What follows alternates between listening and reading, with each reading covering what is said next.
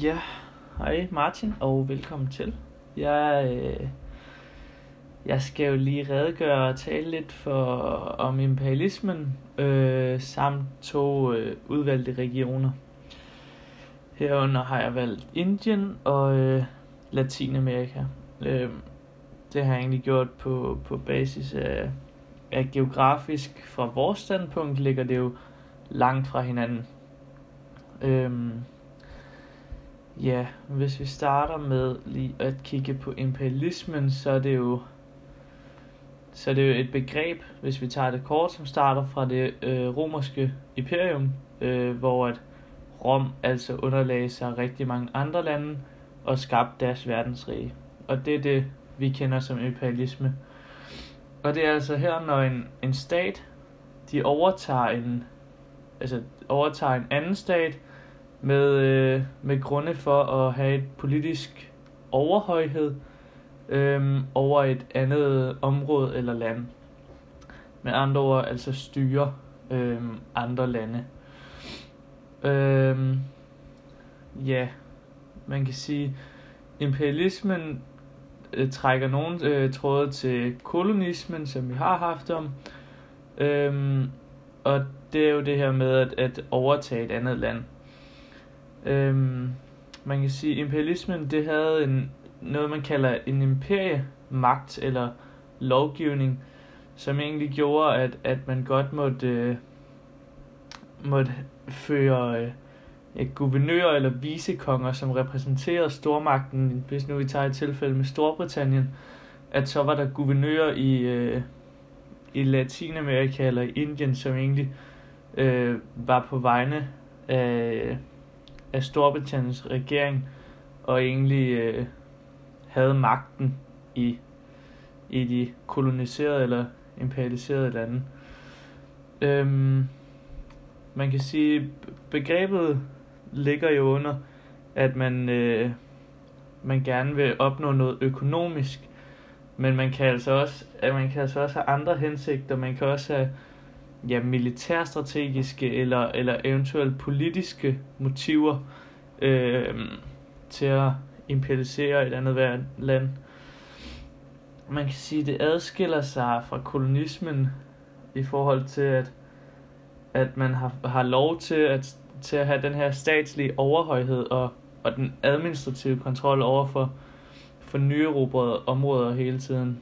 Øhm, og det er jo en, altså selve industrialiseringen revolutionerede den her øh, imperialistiske ideologi eller tankegang ved, at, at man havde jo udviklet transportmidler, som, som kunne gøre det muligt at kommunikere over, over havene og, og gjorde mange ting rigtig nemmere for, at, at man kunne have et styre i et andet land eller et andet område væk fra, fra øh, den, det oprindelige. Så kan man sige, så kom der nogle, nogle øh, transportveje, der gjorde det muligt. Suezkanalen og Panama-kanalen gjorde det jo også nemmere, så, så det har jo også en, en øh, spiller også en, en, en, hvad hedder det, en udvikling i det. Øhm, man kan sige, så har øh, trekantshandlen har jo også været med til at gøre det en stor del af det. Øh, teknologisk så har så Afrika og, og Storbritannien og ja, og Europa generelt, de har jo udvekslet mange varer, som har gjort økonomisk set rigtig attraktivt for, øh, for lande øh, at administrere og styre øh, nye erobrede områder. Øh, skal lige se her. Jo, man kan sige... Jeg ved ikke, om det egentlig var det med lige at redegøre for imperialismen. Det var i hvert fald en, en virkelig stor forudsætning for, at, at mange lande kunne opnå økonomisk og politisk øh, status og magt. Så øh, det er jo egentlig det hele tankegangen bag imperialismen også er. Ligger sig også tæt op af kolonisme, men, men ja. Hvis vi så kigger på Indien som et land, så, øh, så har vi jo portugiserne, der faktisk først kom til Indien, Indien i cirka 1500-tallet, som de første europæer, øh, der egentlig øh, befæstede sig i, i Indien.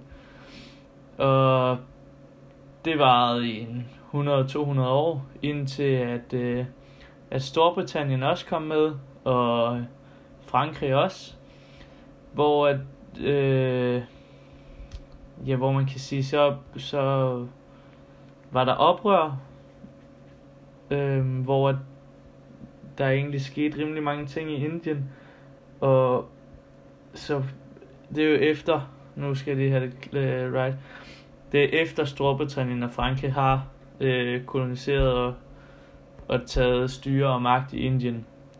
Så, øh, så i 1985, der, der begynder modstanden altså mod det britiske styre.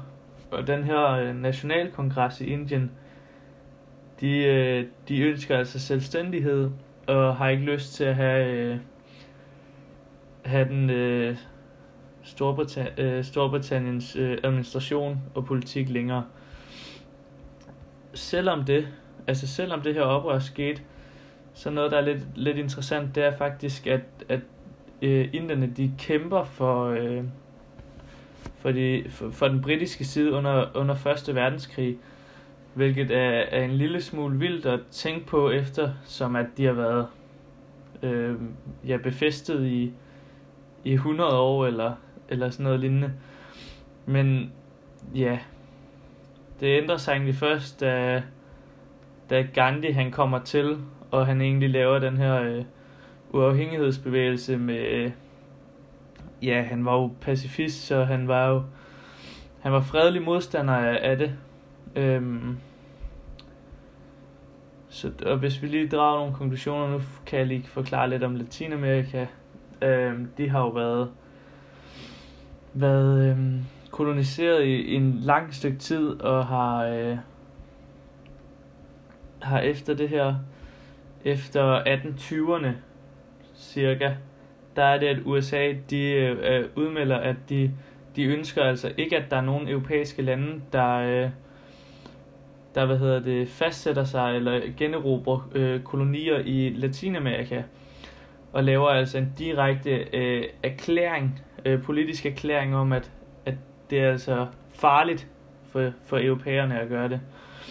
Så, så der er jo en lidt anden tilgang, hvis vi bare allerede nu øh, vælger at sammenligne dem lidt. Der er en, der er en anden tilgang til, til Indien, som, som havde det, den fredelige, den fredelige, øh, hvad hedder det, modstand.